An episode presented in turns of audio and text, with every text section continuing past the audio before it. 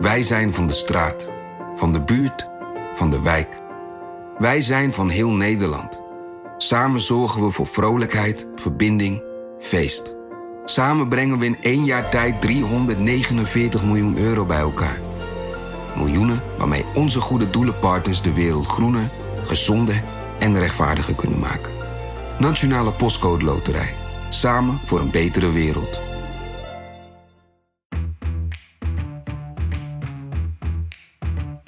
Dit is NRC Haagse Zaken. Mijn naam is Lemja Harouai. Als jij van de, van de vijf knikkers niet één keer de, de, de tutor raakt, dan, ja, dan ben je af natuurlijk. Dat hele stelsel is nooit ingericht op een hoog eigen risico. We rule this country. Er gold alleen maar broekriem, broekriem, broekriem. Het is crisis, crisis, crisis. Morgen in de Telegraaf vertel ik er alles over. Groeten, Mark. Fijn dat je luistert. Dit is de wekelijkse Haagse podcast van NRC met elke week actualiteiten, anekdotes en achtergrondverhalen van de Haagse redactie.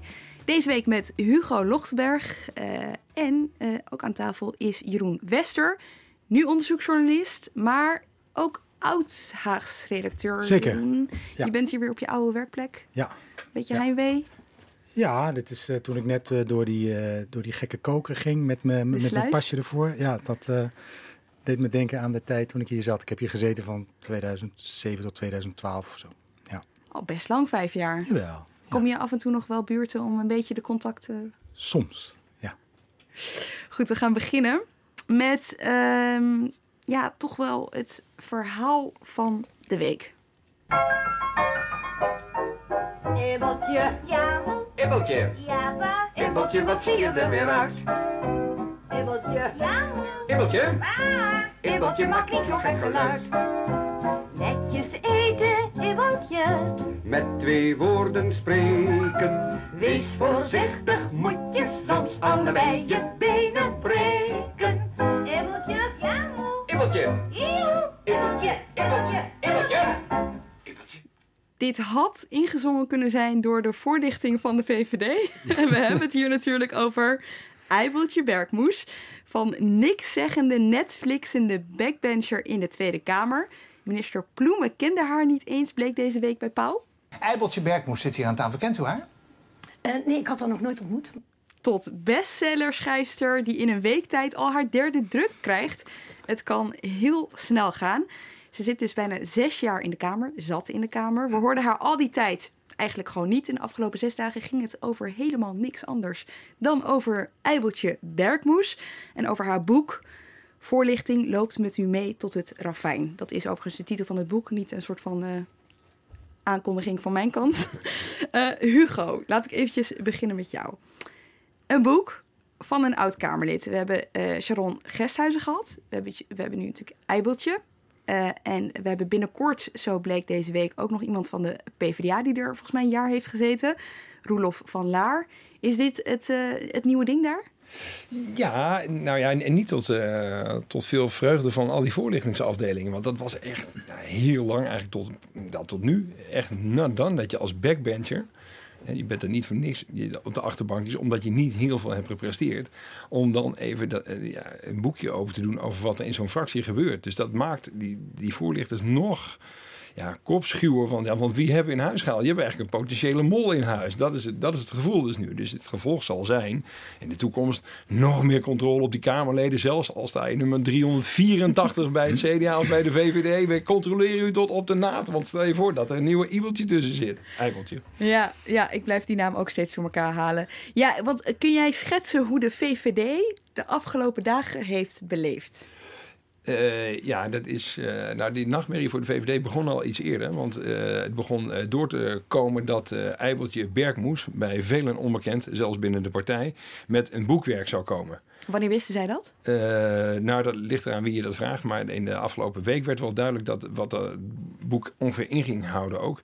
En dat zij zich ook niet in zou houden met documenten van binnenuit om die te publiceren. En dat is natuurlijk echt gevoelig, want deze vrouw is eh, eh, ook door eigen toedoen heel makkelijk weg te zetten als een vrouw die over bijzonder weinig politiek talent beschikt. Daar geeft ze in haar niet al te best geschreven boek ook tal van voorbeelden van. Dus dat is helemaal niet zo moeilijk. Het pijnlijke is dat ze ook eh, ja, laat zien hoe die fractiediscipline werkt. Hoe die partij van binnenuit is verworden door een soort machtsapparaat. En waar zij, ik quote haar zelf maar even, niets meer was dan stemvee.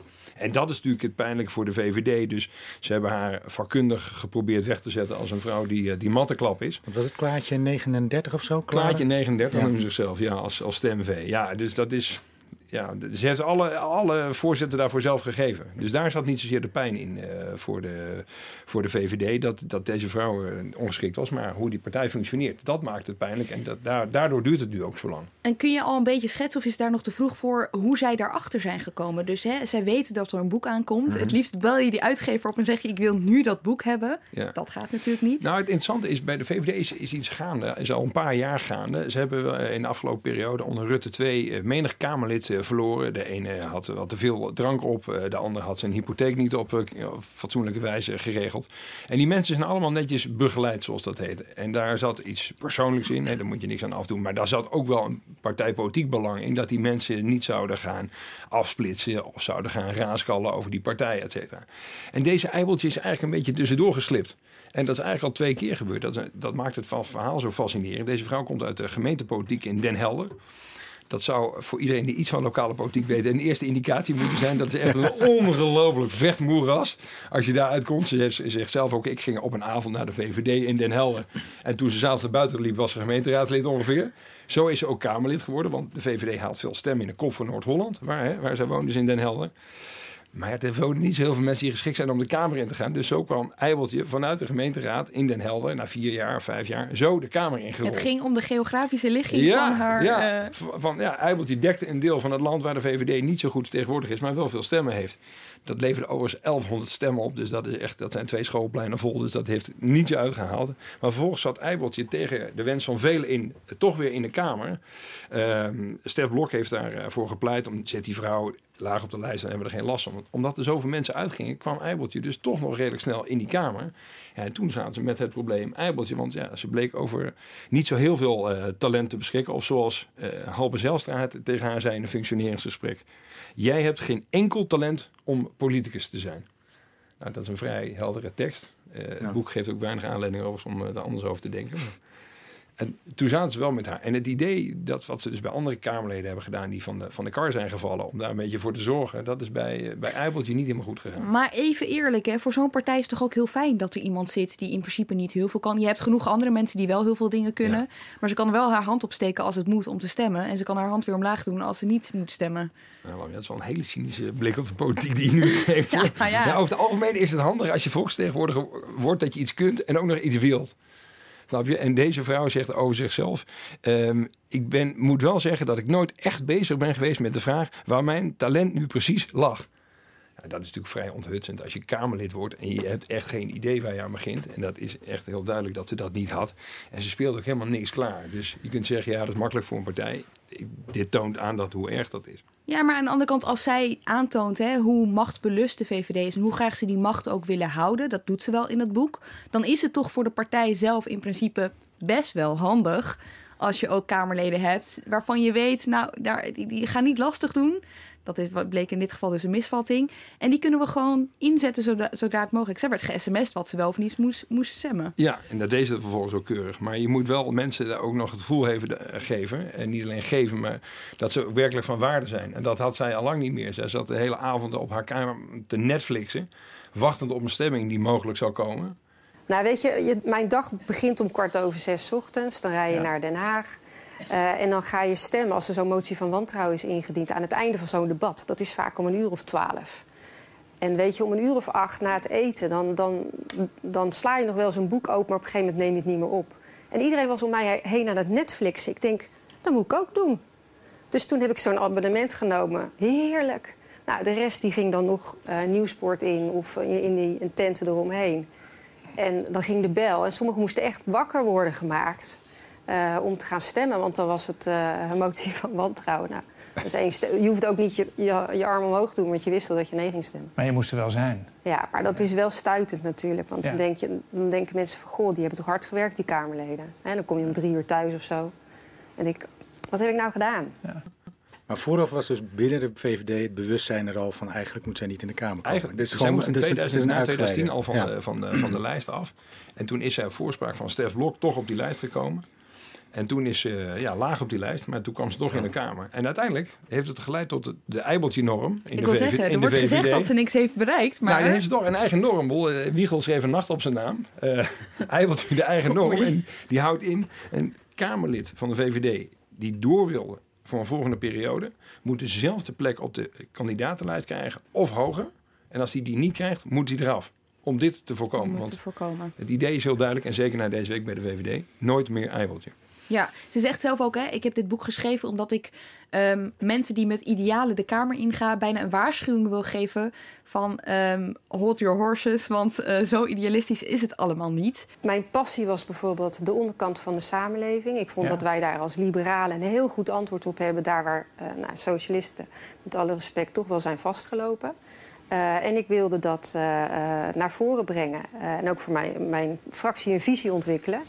En dan wordt op een gegeven moment eh, van tevoren bepaald... dat dat nooit een item kan worden, dat de VVD daarmee naar buiten kan komen. Het is eigenlijk gewoon ook, je moet ergens voor of achter stemmen, omdat, of voor of tegen stemmen, omdat de partij dat vindt. Ja, ja dat, dat, noemen ze ook wel democratie soms. Hè? Ja. Dat je dan eh, Ja. niet altijd je zin krijgt. En Ja. dat je een beetje moet schikken. En dat je wel eens eh, ergens voor moet stemmen waar je misschien persoonlijk eh, op tegen bent. Snap je? En daar zit, daar zit de grens aan. Daar gaat het niet om. Maar ja, het ontstaan van al die one-issue partijen ja, heeft daarmee te maken. Ja. Op dat punt kun je je gelijk halen. Maar het, er zijn zoveel onderwerpen die behandeld moeten worden. Dat dat, ja. Aan de andere kant moet je zonder last en ruggespraak zelfstandig als Kamerlid functioneren. Hè? Dus Ja. de fractiediscipline kan doorslaan. Nou ja, maar dat, dat, dat is bij de VVD. Dat is het andere, andere interessante van haar boek. Want het is ni- niet alleen maar pulp. Er zitten ook hele interessante passages in. Omdat haar analyse heel interessant is. Gedeeld wordt door andere mensen in de VVD-top. Maar ook omdat die goed onderbouwd wordt met documenten en met verifieerbare eh, feiten. En dat maakt het juist heel interessant. Dat die fractiediscipline Ja. bij de VVD verworden is tot een ja, stemmachine. Dus gewoon, dit moet het zijn. Volg de lijn. Ja, dat hebben we gezien bij de steun aan het eh, eh, Griekse steunpakket. Waar één VVD-Kamerlid weer eh, anders stemde. Nou, dat was meteen einde oefening. Ja, dit is een, hele enge voorbode. Als je weet dat we nu vermoedelijk Rutte 3 gaan krijgen met een meerderheid van één zetel. Oftewel, dat is vier jaar lang, als ze dat dan halen, in de pas lopen. Dus, Smullen voor de oppositie ook.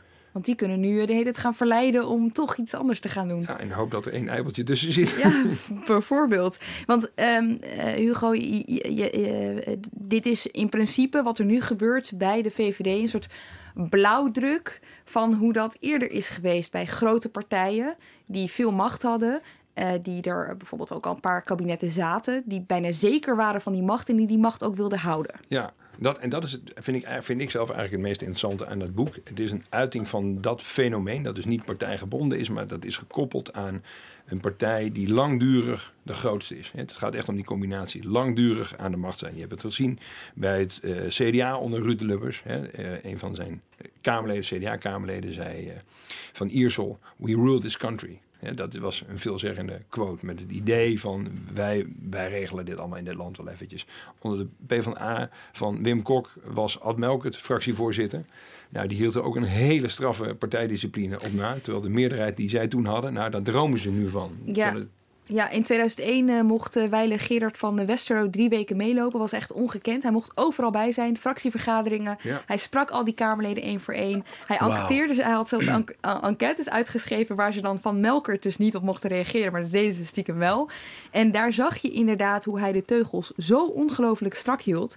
En dat die Kamerleden daar dus ook over klaagden tegen een journalist. K- Kun je zoiets nu nog voorstellen dat dit ooit nog toegelaten wordt? Ehm, ja, dat hoop ik wel, omdat het ook een functie heeft. Maar ik ben er wel eh, beducht op dat dat steeds minder wordt. Al was maar omdat, en dat laat het boek van Eibeltje ook heel, eh Eibeltje Bergmoes ook heel goed zien, is dat door de toenemende druk van social media die er is, hè, die, die- het effect dat dat heeft en de voortdurende aanwezigheid of mogelijke aanwezigheid van welke journalist dan ook, in welke vorm dan ook, dat vergroot de druk op zo'n partij, op zo'n fractie nog meer. Dus de controledrang wordt nog groter. Het is Dus, een soort cirkel eigenlijk. Het versterkt Ja, het is- elkaar steeds. Ja, het is een visuele cirkel, denk ik. Ja, dat is, eh, althans, dat, dat gevaar zit heel erg in. Dus ik zou hopen dat... eh, Maar goed, er bestaat ook een lang verleden van eh, dissidenten bij allerlei soorten partijen, wat dan gewoon in het openbaar werd uitgevochten. Hè? Ja. En dat, dat is natuurlijk eh, dat is jammer van, van dit soort politici, dat ze het niet eerder hebben, hun vinger hebben opgestoken. Ja.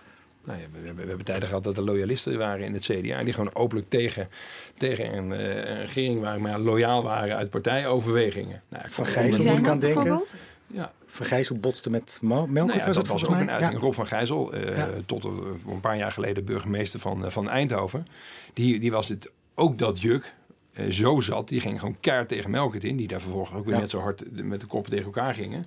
Maar dat was een soort van ei- eibeltje uiting. Hè. Nou is Van Ja. Gijzel echt veel hoger aan te slaan dan een eibeltje. Begrijp me Ja. niet verkeerd. Maar dat is wel... Mensen laten zich niet zo behandelen. Laten zich niet zo koeioneren. Dus dat, het heeft een enorm gevaar in zichzelf. Ja, Gerard van- eh, Westerlo sprak inderdaad ook Rob van Gijzel. En daar zei hij ook, ehm, de politieke discussie gebeurt hier buiten de fractie. Ik mis het en daar geef ik ook uiting aan. En daar geeft hij ook een aantal voorbeelden van zaken waarvan hij vindt dat er over gediscussieerd zou moeten worden. En dat gebeurt dan niet. We hebben het nu over de VVD. Hè? En dat Ja. komt natuurlijk omdat dit boek naar buiten is gekomen. Maar er zullen op dit moment toch meer partijen zijn die ook nou ja, iedereen zoveel mogelijk binnenboord proberen te houden. Ook bij de formerende partijen. Ja, nou, laten we wel zijn hoor. Het komt echt niet door dit boekje. Laten we niet lullig doen. Dit is al tijden zichtbaar bij de VVD. Dus wij, wij liepen ook op de redactie al langer met het idee. En we hadden al mensen gesproken daarover. Waar blijkt het nou uit dat die partij een machtsmachine is geworden? En nou even een voorbeeld te geven. Iemand die op een zeer hooggeplaatste positie zit voor de VVD. Die vroeg ik daarnaar. En die lepelde zonder met zijn ogen te knipperen vijf onderwerpen op. Waar de VVD geen standpunt meer over heeft. En wel een standpunt zou moeten hebben. Nou, Nou, het feit dat diegene dat zo makkelijk vertelde, Ja. vond ik heel veel zeggen. Nou, bijvoorbeeld de VVD eh, profileert zichzelf graag als law and order partij.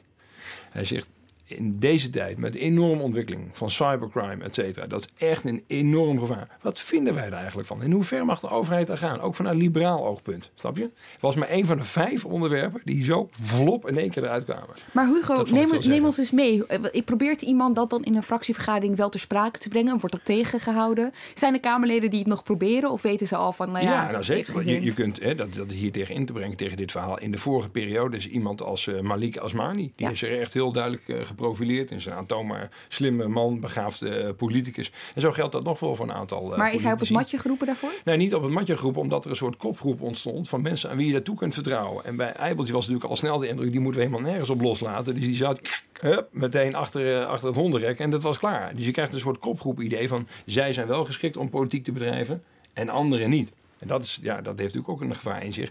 Want jouw punt is heel voor de hand liggend en die stelt iedere buitenstaande zich. Waarom zeg je dat dan niet in die fractievergadering? Ja. Je zit er iedere dinsdag met elkaar. Ja, je zit er toch ook voor je idealen? Je bent de Ja. Kamer ingegaan Ja. met een idee. nou, hoe werkt zo'n partij? Eh, die hebben subcommissies. Dus Eibeltje, om Eibeltje nog even één keer als voorbeeld aan te halen. Die zit in de subcommissie Buitenlandse Zaken. Als zij daar haar punten niet doorheen krijgt, haalt het die hele fractievergadering niet. Dus zij kan zeggen in die fractievergadering, ik heb nog een ander punt. Dan zeggen ze, ja, sorry Eibeltje, daar hebben we in die- subcommissie over gesproken. Dat is al afgekaart. Sorry, volgende punt. En weg ben je. Dus je moet de eerste horde al nemen. Als ze je die niet ne- laten nemen, of laten we ook eerlijk zijn, je bent niet in staat om die te nemen. Beide soms waar dan haalt je punt die fractievergadering gewoon niet. Dat is natuurlijk ook het politieke handwerk. Dat je ja, dat moet leren. Dat heeft ook ervaring nodig. Het is niet zo als je hier binnenkomt dat iedereen voor je openstaat en zegt: Man, geef me jouw blik op de wereld. Maar moet ik het vergelijken met een schoolplein? Weet je wel? Waarin je jezelf dus moet bewijzen zodat je populair wordt. Zodat de anderen je zien. En ja, je hebt ook populair altijd wordt, een je beetje moet de laten zien dat je goed die... kunt knikkeren. Ja, precies. je? Als jij van de, van de vijf knikkers niet één keer de, de, de tutor raakt, althans zo heet dat in Twente waar ik ben opgegroeid, dan, ja, dan ben je af natuurlijk. Snap je? Dan, en dan mag je nog een keer meedoen en dan is het weer vijf keer mis. Ja, dan is het, eh, ja, gaat touwtjes springen of zo. Maar je kan er ook als eigenwijs eh, politicus doorheen breken. hè. Ik moet denken aan Pieter Omzicht eh, binnen het CDA. Die lag eh, een tijd geleden helemaal niet goed binnen het CDA zelf. En die is toch echt op eigen kracht is hij, is hij eh, een, een, vooraanstaand Kamerlid geworden. Ja. En bij de laatste verkiezingen stond hij gewoon vanuit het CDA zelf ook op een hoge positie. Maar ja, maar we zien wel de geschiedenis hoe dat is gegaan. Pieter Ja. Omzicht is een echte CDA. Eh, is wel zo ook een vrij ta- tamelijk brave CDA. Ja? Totdat ze zeiden, ja, Pieter, bedankt voor je bijdrage, maar je bent wel een beetje een lastige vriend. We zetten je laag op die lijst. Toen gingen de handschoenen uit. Ja. En nu is hij een van de meest gewaardeerde Kamerleden eh, in het land. Een sloot aan voorkeurstemmen. Dat is echt een man waar je niet omheen kunt hier in Den Haag. Die Daar, daar, zitten, echt daar bewindspersonen voor. Ja. Ja. dat is toch iets wat je eigenlijk veel vaker van, van Kamerleden zou verwachten, toch? Dat ze dat durven en dat ze dat doen. En toch was er bij hem ook iets nodig om dat gedaan te krijgen. Maar nogmaals, zijn er nou op dit moment meer partijen waarbij dit speelt? Nou, het, het, niet zozeer, de, de, want die, echt die machtsmachine, een beetje vervelend worden, maar een machtspartij, dat zie je echt alleen bij een partij die meerdere keren de grootste wordt. En dat heeft Rutte natuurlijk nu al een paar keer op rij Ja. gepresteerd. En echt een eh, ongelooflijke prestatie om dat in deze tijd zelfs een paar keer achter elkaar te doen. Maar je ziet die aanscherpende fractiediscipline, die geldt voor al die partijen. Dus stel nou dat GroenLinks wel was mee gaan regeren, dan was daar ook discipline ingekomen. Dat gaat veel strakker allemaal. Dat is niet meer onder zoals dat bij de VVD ooit onder Josias van Aartsen was. Neem je ruimte, Ja. ben vrij om je punt te maken, et cetera. Dat- Die vrijheid is er niet meer. Want de- en daar moeten we ook eerlijk in zijn. Wij media spelen daar ook een rol in. Oh ja, wat is jouw rol dan bijvoorbeeld? Nou, nou, niet, ik, ik bericht ook over Eibeltje. En waarom bericht ik nu over Eibeltje? En heb ik de afgelopen jaren, was er ook weinig aanleiding om over Eibeltje te spreken. Maar Eibeltje zit ook in alle radio- en televisieprogramma's. Waardoor je toch denkt dat deze vrouw wel heel belangrijk is. Terwijl we deze vrouw nooit hebben gezien. Maar het is, laten we wel eerlijk zijn, het is ook een leuke politieke gekkie, om het even zo te zeggen. Om die vrouw aan het woord te laten, om maar te kijken en om er een beetje... Hè, Ja. ja, om te lachen deels ook. Snap je? En dat is ook wel, heeft ook wel iets tragisch, toch, vind ik.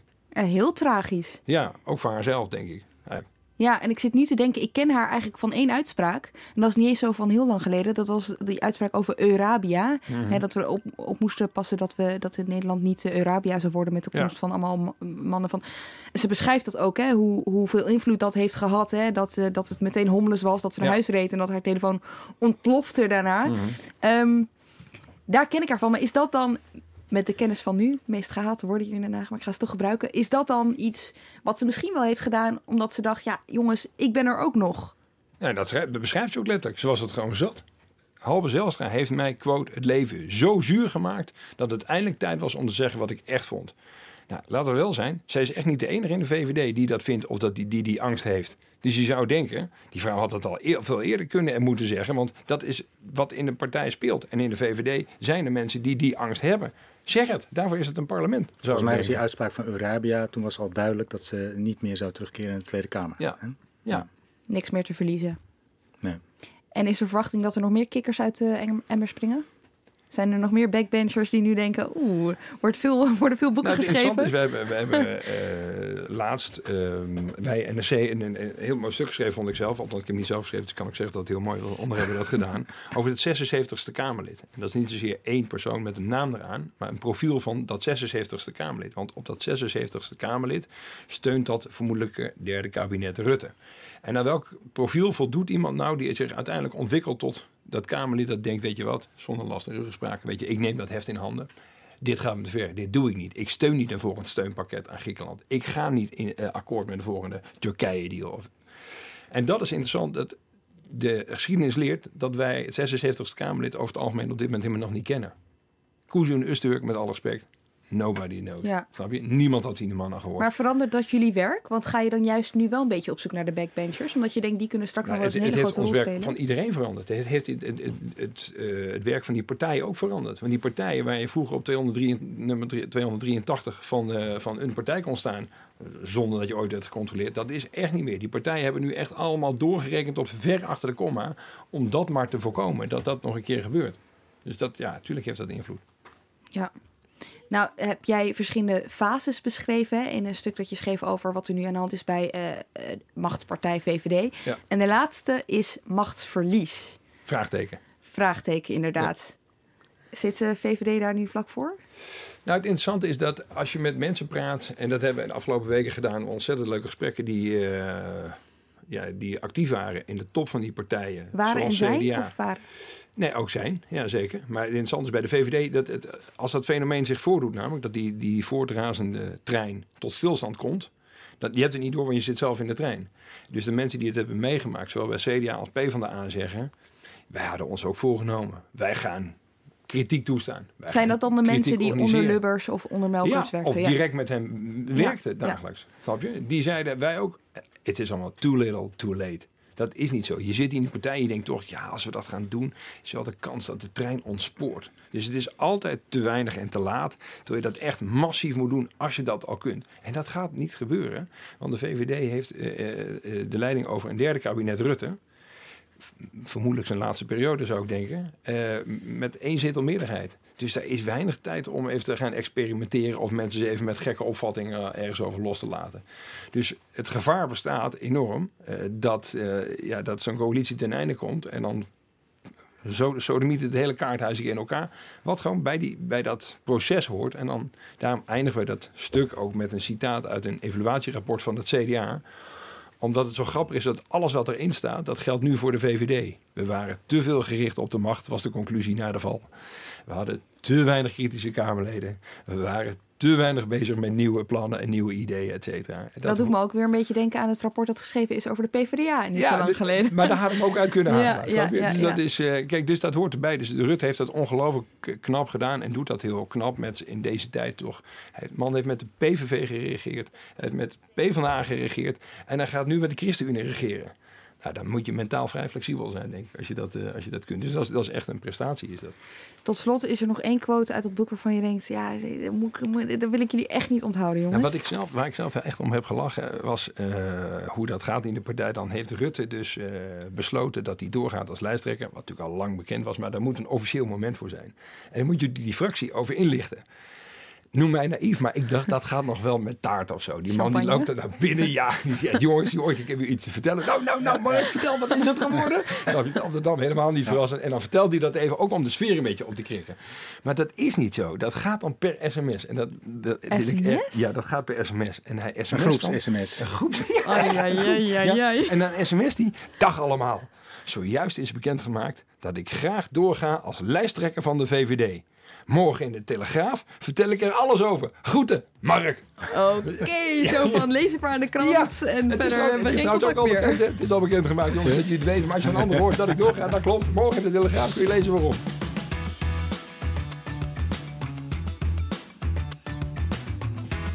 Goed, dan gaan we naar een ander hoofdpijndossier. Of eigenlijk is het meer een migraine dossier inmiddels. En dat is de zorg. En het ging er begin eh, afgelopen week heel veel over. Het ging Ja. over het eigen risico. Het ging over de premies. Het leidde ook allemaal tot een heel verhit debat. Wie heeft die spoedprocedures hier bedacht? Van wiens voorstel? Van wiens voorstel be- behandelen je? Welke wetsvoorstel, welk, welk wetsvoorstel is dit, voorzitter? De minister staat er niet eens achter. Ja, je hoort hier Henk Nijboer van de PvdA, die van zichzelf al rode wangetjes heeft, maar nu echt diep rode Ja, ja. wangen heeft. En die klap aan het begin is Henk Nijboer die dus zo keihard op de tafel slaat. En je ziet Fleur Agema naast hem, die veert op en die gaat, je hoort haar ook op de achtergrond, zegt ze ja. Dus er gebeurt echt wat in dat debat. Ehm, ja, en dat ging dus over eh, het eigen risico. Ja. Die dus hoger zou worden. Toen bleef je gelijk. Toen kwam er een klein, heel klein verzekeraartje, DSW.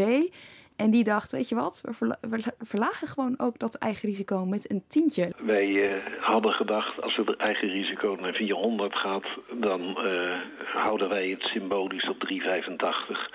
En dat is gewoon omdat ik vind, en dat heeft niets met politiek te maken, maar ik vind dat een zorgverzekeraar waar iedereen voor kan kiezen, ook moet laten zien waar die voor staat. Wij hebben dagelijks met de zorg te maken.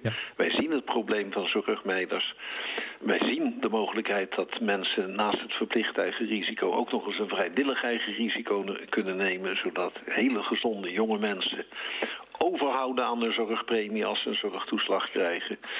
Chronisch zieken kunnen dat niet. En dan heb je ook nog mensen die de zorg gaan mijden, die wel verplicht zijn premie te betalen, maar dus geen zorg gebruiken omdat ze het eigen risico niet kunnen betalen. Nou, daar zit een onevenwichtigheid in het systeem. En daarom zeggen we, ja, dat eigen risico heeft nu een niveau bereikt waarop het niet langer echt rem- remmend werkt. Ja, dat eh, is eh, Chris Omen, eh, de directeur van DSW, zei hij op BNR. Dit is ingewikkeld, Jeroen. Want Ja. eh, ik dacht dat het eigen risico echt onmogelijk omlaag kon. Sterker nog, er was alles uit de kast getrokken om het Ja. überhaupt op het gelijke niveau te krijgen. En dan Ja. komt er zo'n klein zorgverzekeraartje. Ja. Zegt jongens, ik heb de oplossing. Ja, maar dit is dus echt, echt een technische oplossing die jij had eh, gevonden. Eh, het vertrekpunt is echt, de politiek gaat over het eigen risico. Je hebt ook in het verleden, verzekeraars vinden al veel langer dat het eigen risico te hoog is. Ehm, maar de politiek heeft daar altijd zijn redenen voor gehad dat je een deel van de zorgrekening, dat die burger dat zelf moet betalen. Dus was het ook verboden voor zorgverzekeraars om bijvoorbeeld een polis aan te bieden zonder eigen risico en dan bijvoorbeeld maar de premie te verhogen. Dat is echt wettelijk verboden. Dus waar nu eh, Chris Omen met DSV gebruik van maakt, dat is een technische uitzondering. Ehm, en eh, het gaat ook om een heel klein bedrag. Net zoals het kleine bedrag Ja. waar we deze week eh, in, het, in de Kamer zo eh, hevig over gingen debatteren. Maar het klonk toch, hij klonk een beetje als een politicus. Ja, ik, maar, ik vind dat ja, maar Ome heeft, moet laten zien waar die voor ja, staat. maar Ome heeft ten eerste al een heel goed politiek gevoel en, eh, eh, en, en een gevoel voor timing. En hij is, eh, eh, het is een eigenwijze zorgverzekeraar die ook echt vindt, oprecht, ik ken hem langer, van die, die, dat eigen risico is doorgeschoten, dat is te hoog. En hij wil hiermee dus gewoon ja, een signaal afgeven, marketing, hoe je het ook is kan gewoon noemen. marketing door. Jawel, jawel, ook wel. Maar het, Werkt het eigenlijk? Rennen de mensen nu naar DSW? Ja, dat zou kunnen. Hij werkt over- trendzettend, toch? Dus bij andere Ja, hij is zorgverzekeraars altijd- lopen ze nu, Hij denk is ik, eh, altijd het- trendsetter geweest. In die zin dat hij is altijd het eerste, hè, DSW is altijd het eerste vlak na Prinsjesdag met eh, de, het bekendmaken van de premie. En de premie, dat is dus die maand, dat maandelijkse bedrag wat je voor je basispolis betaalt. De, die premie voor die polis die je verplicht moet afsluiten.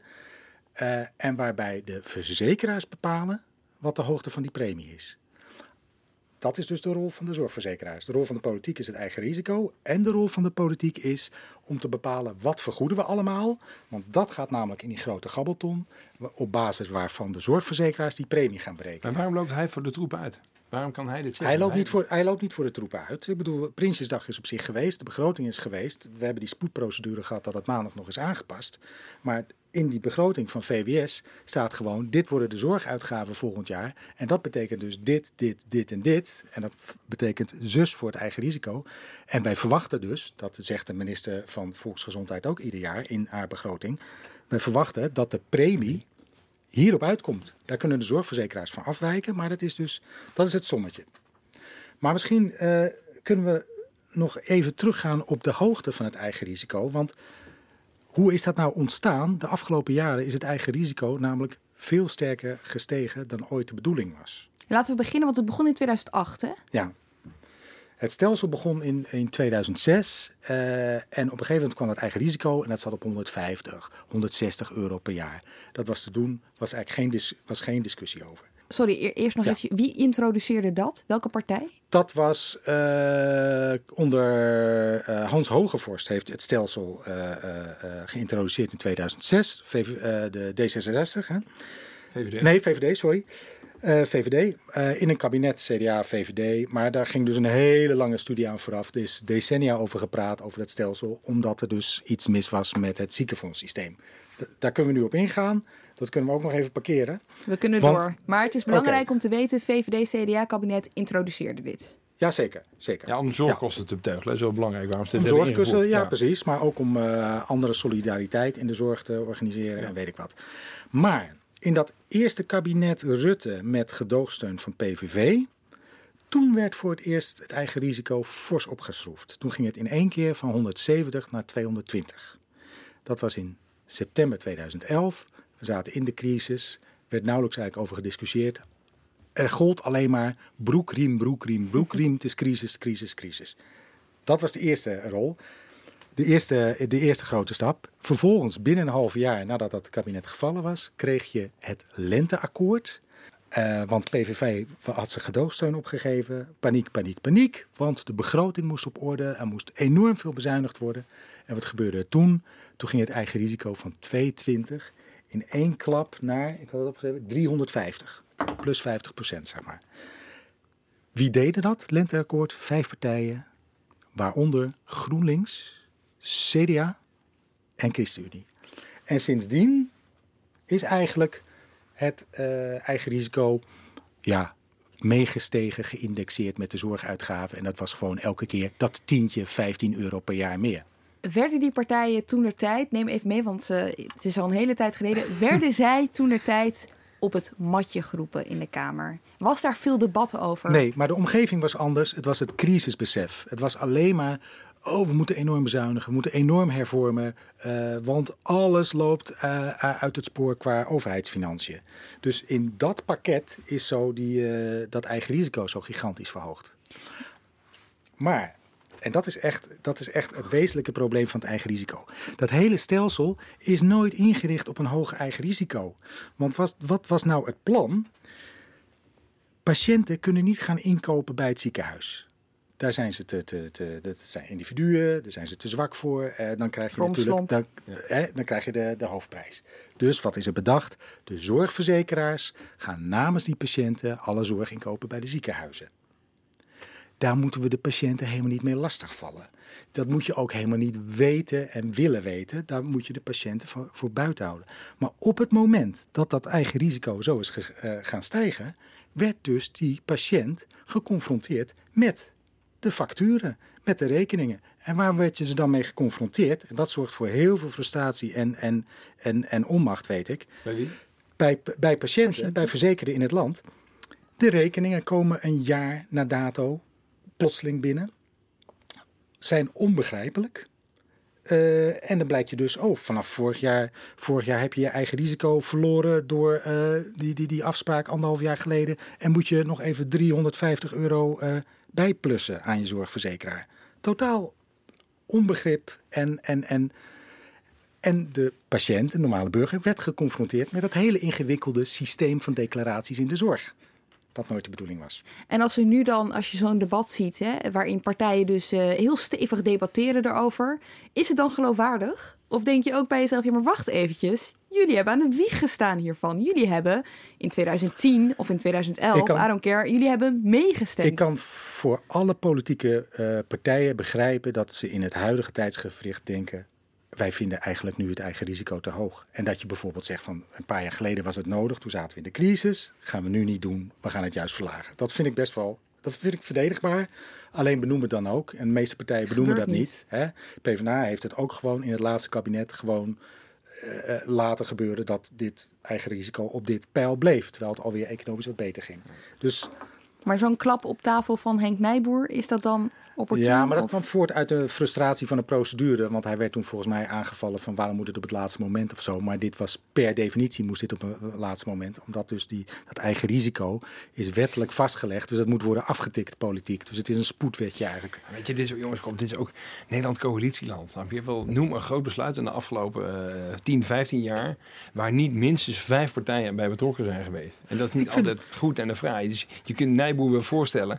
En tegelijk denk je, ja jongens, kom op. Ja, dat ik, is, die man mag oprecht boos zijn. En dat, Tuurlijk mag maar, hij dat, maar ik, ik, ben wel benieuwd welke partijen nou verantwoordelijk zijn. En welke partijen nu ineens uh, op hun achterste poten staan. Want dan denk ik bij mezelf, ja maar wacht eventjes jongens. Ja, maar blijkbaar is de context anders. Kijk, bijvoorbeeld CDA en ChristenUnie wilden, uh, hadden hun verkiezingsprogramma's aan. Sterke verlaging eigen risico. En ze zitten nu gewoon aan een formatietafel met twee andere partijen... die dat zeker niet in hun verkiezingsprogramma hadden staan.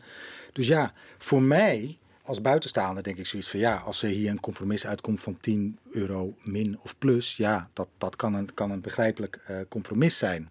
Dat, vind, dat vind ik helemaal, helemaal niet raar. Wat ik wel raar vind, is dat alle problemen met het eigen risico...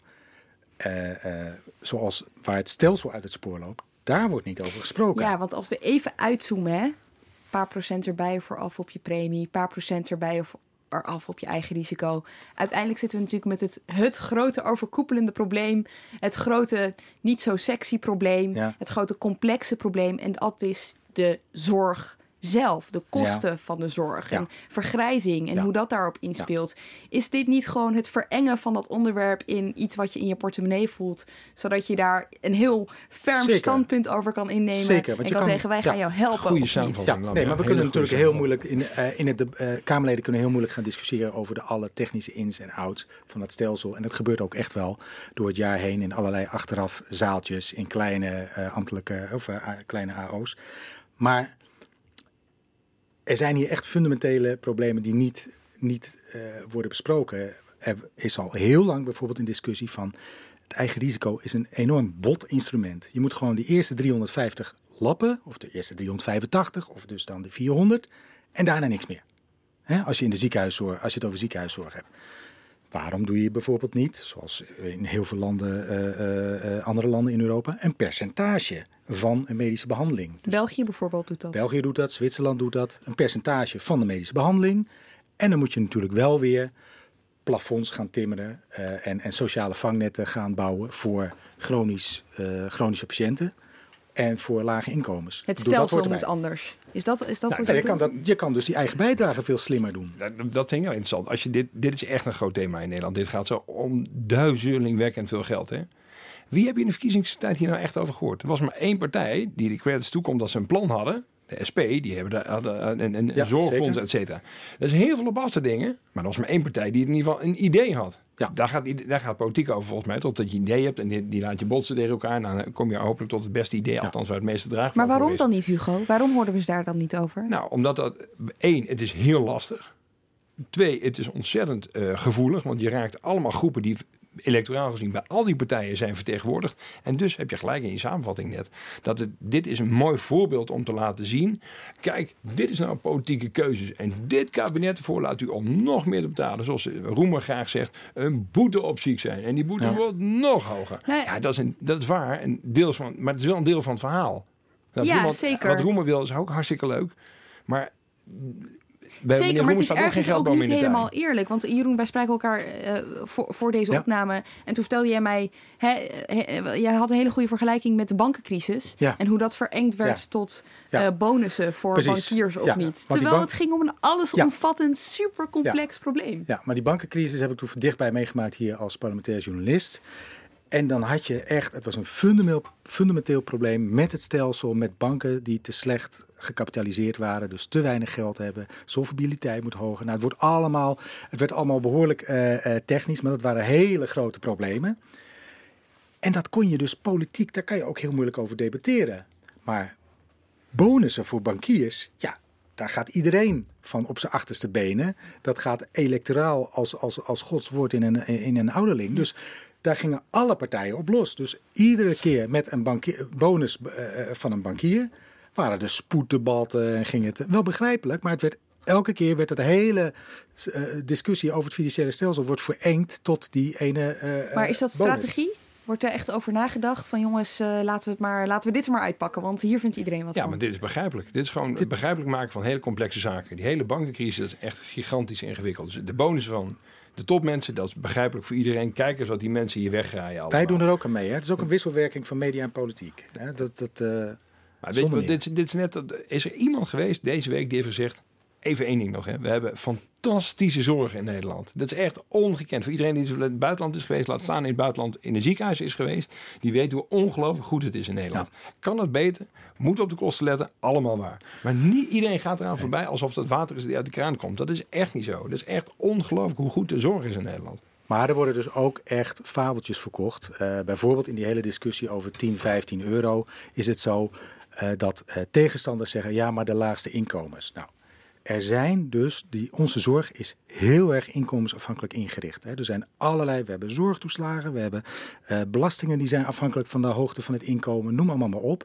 Er staat ook gewoon een voorbeeld in de begroting van eh, VWS dat een alleenstaande eh, persoon met een laag inkomen, die gaat, er gewoon, die gaat gewoon 72, volgens de berekeningen, 72 euro meer premie betalen, maar krijgt 130 euro meer zorgtoeslag. Hè, dus die gaat er op, duidelijk op vooruit. Dat vergeten we wel, is dat er dus, er zijn allerlei mechanismen al ingebouwd om die laagste inkomens te corrigeren. Ja. Of te, te compenseren. sorry. Ik, ik hoor inkomensafhankelijk en ik voel gewoon hier dat het cool wordt omdat ze bij de VVD aan het rillen zijn en allemaal hallucinaties krijgen van inkomensafhankelijke zorgpremies. En Maar precies, maar het, het, het stelsel zit er al mee voor, volgebouwd. Ja. ja hoor. Ja, maar die- dat is, ja, vind ik interessant in Nederlandse politiek. Het, het, het is niet goed of fout of zo, of kil of warm. Je? Het heeft, als je het één doet, dan moet je ergens anders iets laten. Als je die hele eigen eh, bijdrage wil afschaffen, snap je? de boete op zorg moet er helemaal af. Dat is leuk, maar dan moet je dus andere dingen niet, wil ik niet doen als partij. Dat vind ik altijd als interessant. Wat gaan we dan niet doen in Ja. Nederland? Kijk, onder minister Schippers is op een gegeven moment toch de afgelopen jaren een budgetsysteem ontstaan. Dat we dus gewoon eigenlijk landelijk een budget afspreken. Omdat zij ook bang was dat de kosten te ver uit de hand uh, gingen lopen. Dat was effectief. Hè. De afgelopen jaren zijn de kosten niet zo sterk gestegen als de jaren ervoor. Maar het grote probleem is groeiende wachtlijsten. Dat is gewoon heel logisch. Als je een budget hebt, dan wordt er op een gegeven moment nee verkocht aan de deur. Dat zie je nu steeds meer. Je ziet overal wachtlijsten groeien. Dat, Ja, is, dus een, dat is dus een groeiend probleem. Hoe ga je dat oplossen? Maar dit is echt, dit, die hier herhaalt de geschiedenis zich. Weilen Elsborst, helaas, eh, minister van Volksgezondheid, Mhm. had ook te maken met de wachtlijsten. Daar liep Pim Fortuyn tegen de hoop met andere mensen en maakte daar politiek een goed punt van. Mensen die zorg willen krijgen, kunnen dat niet krijgen. En nu zijn we, wat is het, eh 15, 15 jaar later, en hebben we weer wachtlijsten in de zorg. Oké jongens, ik ben op zoek naar een moraal van het verhaal. Oh, de moraal van het verhaal. Jeroen is van ik de vond, moraal. Ik vond eigenlijk wel heel mooi, dat was eh, deze week van De Speld. Ja, dat is eh, natuurlijk eh, niet een serieus medium, maar dit was toch wel heel Nep, serieus. nep nieuws jongens, even dat het heel duidelijk is. Satire. En eh, die hadden een foto van een mevrouw en hadden ze bij gezegd, dit is Ans. Ans vindt zorg zo belangrijk dat zij er niet voor wil betalen. De overheid moet het zelf betalen, maar niet met mijn belastinggeld. Dat is van mij. Ik heb het gevoel dat we het hier bij Haagse Zaken nog wel vaker over gaan hebben. En dat we hier nog niet helemaal klaar mee zijn. Dank jullie wel. Graag gedaan. Jeroen en eh, Hugo. En dank ook voor het luisteren. Laat ons vooral weten wat je ervan vindt. En dat kan eh, door gewoon heel ouderwets, tegenwoordig is heel ouderwets, een mailtje te sturen naar podcast.nrc.nl. Eh, en laat ook vooral eh, een recensie achter op bijvoorbeeld iTunes. En strooi met sterretjes. Rate ons op al de platforms waar je luistert. En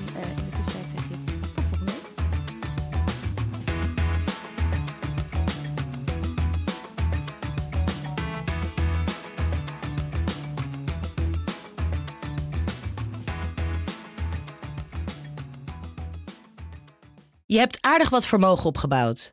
En daar zit je dan, met je ton op de bank. Wel een beetje saai, hè? Wil jij, als belegger, onderdeel zijn van het verleden of van de toekomst? Bridgefund is een slimme fintech die een brug slaat tussen de financiële behoeften van ondernemers en van beleggers. Dus wie belegt bij Bridgefund krijgt niet alleen een mooie vaste rente, maar brengt ook ondernemers in beweging. Echt waar, met die ton kan je zoveel betere dingen doen. Bridgefund. Make money smile.